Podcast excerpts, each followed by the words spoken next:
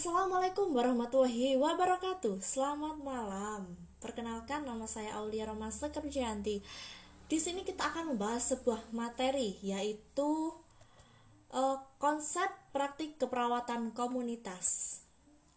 Yang pertama yang akan kita bahas yaitu pengertian komunitas. Pengertian komunitas yaitu yang pertama Kelompok sosial yang ditentukan oleh batas-batas wilayah, nilai-nilai keyakinan, dan minat yang sama, serta adanya saling mengenal dan saling berinteraksi antara anggota masyarakat yang satu dengan yang lainnya, menurut WHO tahun 1974. Yang kedua, sesuatu, suatu kesatuan hidup manusia yang menempati suatu wilayah nyata dan berinteraksi menurut suatu sistem adat istiadat, serta terikat oleh suatu rasa identitas suatu komunitas menurut Gujraningrat tahun 1990. Yang ketiga, suatu tempat atau kumpulan orang-orang atau sistem sosial menurut Sunders tahun 1991. Selanjutnya kita akan membahas keperawatan komunitas. Keperawatan komunitas ini e, mencakup kesehatan keperawatan keluarga atau nurse health family dan juga meliputi kesehatan dan kesejahteraan masyarakat luas, membantu masyarakat mengidentifikasi masalah kesehatan sendiri, serta memecahkan masalah sendiri sebagai perorangan maupun secara koleksi sebagai keluarga, kelompok, khusus, atau masyarakat untuk memperoleh tingkat kesehatan yang lebih tinggi dari individu, keluarga, dan masyarakat menurut WHO tahun 1974.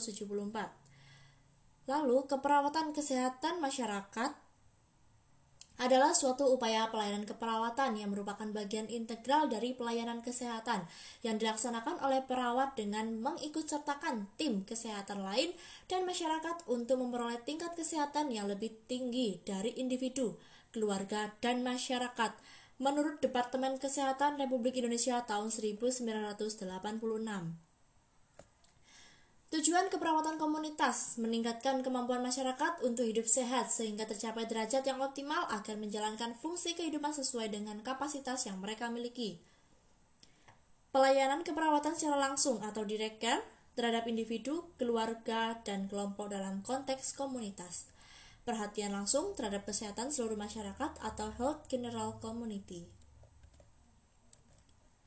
Sehingga dapat kita harapkan sasaran itu yang pertama dapat mengidentifikasi masalah kesehatan yang dialami, yang kedua menetapkan masalah kesehatan, yang ketiga merumuskan dan memecahkan, yang keempat menanggulangi kesehatan yang mereka alami, yang kelima self care.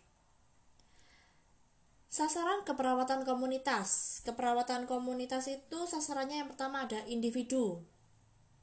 Membantu individu untuk memenuhi kebutuhan dasarnya. Yang kedua keluarga, Keluarga sebagai sasaran karena mempunyai peran utama dalam pemeliharaan kesehatan seluruh anggota keluarga. Yang ketiga, kelompok khusus, sekelompok masyarakat atau individu.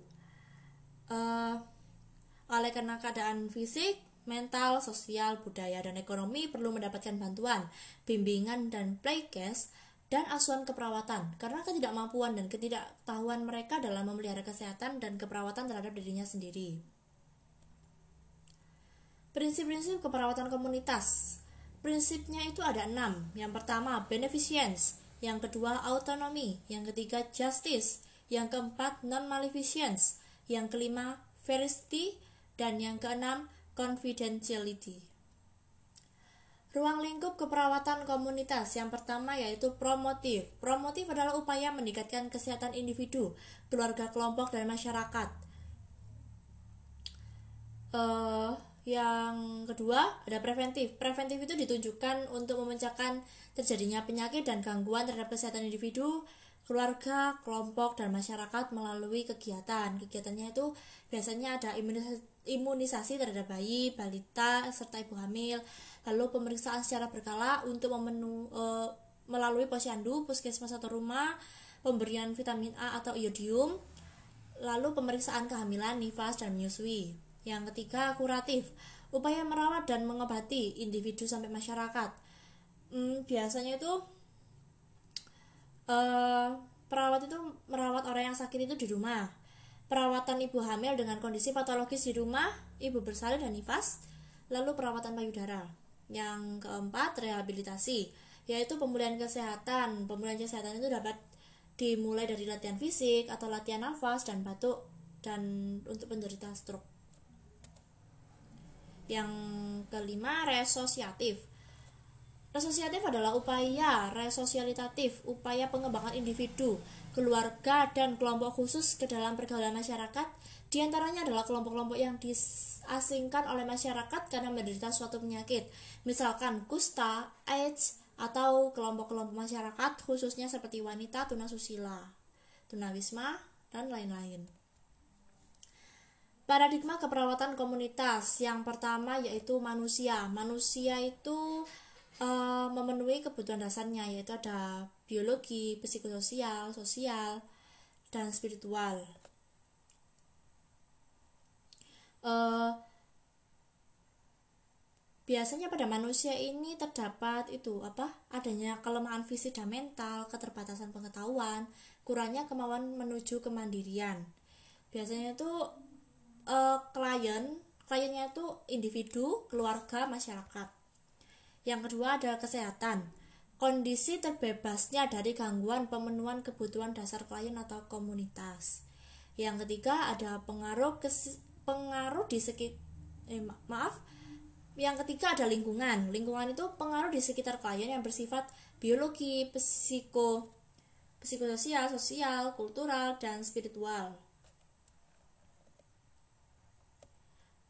Dan yang keempat, keperawatan, yaitu intervensi dan tindakan untuk meningkatkan derajat kesehatan. Falsafah keperawatan komunitas. Yang pertama, pelayanan keperawatan komunitas merupakan bagian integral dari upaya kesehatan yang harus ada dan terjangkau serta dapat diterima semua orang. Yang kedua, upaya promotif dan preventif adalah upaya pokok tanpa mengabaikan upaya kuratif dan rehabilitatif. Yang ketiga, pelayanan kesehatan diberikan secara berkelanjutan.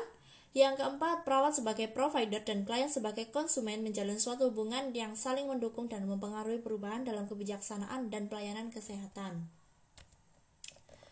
Peran perawat dalam komunitas keperawatan ini yaitu yang pertama itu edukator, yang kedua ada advokat, yang keempat manajemen kasus, kelima kolaborator, kel kelima role model, keenam peneliti, dan yang ketujuh change agent. Lalu konsep keperawatan khusus dalam komunitas. Di sini saya akan menjelaskan yaitu sekelompok masyarakat individu yang karena keadaan fisik, mental maupun sosial dan ekonominya perlu mendapatkan bantuan, bimbingan dan pelayanan kesehatan dan asuhan keperawatan karena ketidakmampuan dan ketidaktahuan mereka dalam memelihara kesehatan dan keperawatan terhadap dirinya sendiri. Upaya di bidang keperawatan kesehatan masyarakat yang ditunjukkan kepada kelompok-kelompok individu yang mempunyai kesamaan jenis, kelamin, umur, permasalahan kesehatan, dan kesehatan serta rawan terhadap masalah tersebut yang dilaksanakan secara terorganisasi dengan tujuan meningkatkan kemampuan kelompok dan derajat kesehatannya. Lalu tujuan, tujuannya itu untuk apa? Tujuannya yaitu untuk meningkatkan kemampuan dan derajat kesehatan kelompok untuk mendapat untuk dapat menolong diri mereka sendiri atau self care dan tidak tergantung pada pihak lainnya. Sehingga dapat kita harapkan yaitu mengidentifikasi masalah kesehatan, meningkatkan kemampuan kelompok khusus dalam memelihara kesehatan mereka sendiri, mengurangi ketergantungan kelompok khususnya dari pihak lain dan perawatan diri mereka sendiri, meningkatkan produktivitas kelompok khusus untuk lebih banyak berbuat dalam rangka meningkatkan kemampuan diri mereka sendiri. Sasarannya yaitu yang pertama kelompok khusus sebagai akibat perkembangan dan pertumbuhan. Sasaran yang pertama itu yaitu ibu hamil, yang kedua bayi baru lahir, ketiga balita, yang keempat anak usia sekolah, dan yang ke kelima anak usia lanjut. Yang kedua, kelompok dengan kesehatan khusus yang melakukan pengawasan dan bimbingan serta asuhan keperawatan yaitu ada orang yang mempunyai penyakit TBC, lepra, AIDS, penyakit kelamin lainnya, penderita dengan penyakit tidak menular seperti diabetes mellitus, jantung koroner, cacat fisik, dan gangguan mental. Yang ketiga, kelompok yang mempunyai resiko terserang penyakit. Ada wanita tunasusila, penyalahgunaan obat atau narkoba, kelompok-kelompok pekerja tertentu. Yang keempat, lembaga sosial atau perawatan dan rehabilitasi. Biasanya itu terdapat di panti wireda, panti asuhan, pusat-pusat rehabilitasi, dan penitipan balita. Lalu di sini kita akan membahas tahap-tahap asuhan keperawatan komunitas. Yang pertama dengan menggunakan pendekatan proses keperawatan dengan langkah-langkah pengkajian, diagnosa keperawatan, perencanaan, pelaksanaan, dan evaluasi. Yang kedua menggunakan pendekatan pengorganisasian masyarakat. Uh, yang tujuan pengorganisasian komunitas ini diharapkan mampu memproses dalam mengidentifikasikan kebutuhannya, mengembangkan keyakinan dan memenuhi kebutuhan dengan menggunakan potensi dan sumber daya yang ada di dalam komunitas dan di luar komunitas. Pendekatan yang digunakan menggunakan prinsip, landasan, dan langkah dasar seperti tertera pada gambar tersebut.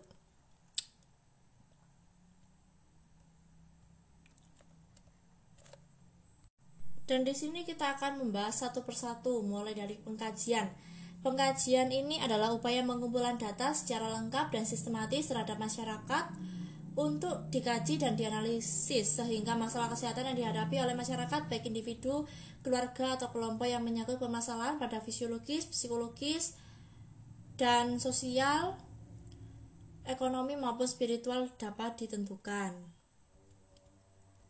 Pengajian keperawatan komunitas ini merupakan suatu proses tindakan untuk mengenal komunitas. Eh, lalu dalam tahapan pengkajian ini terdapat lima kegiatan yaitu pengumpulan data, pengolahan data, analisis data, perumusan dan penentuan masalah kesehatan masyarakat dan prioritas masalah.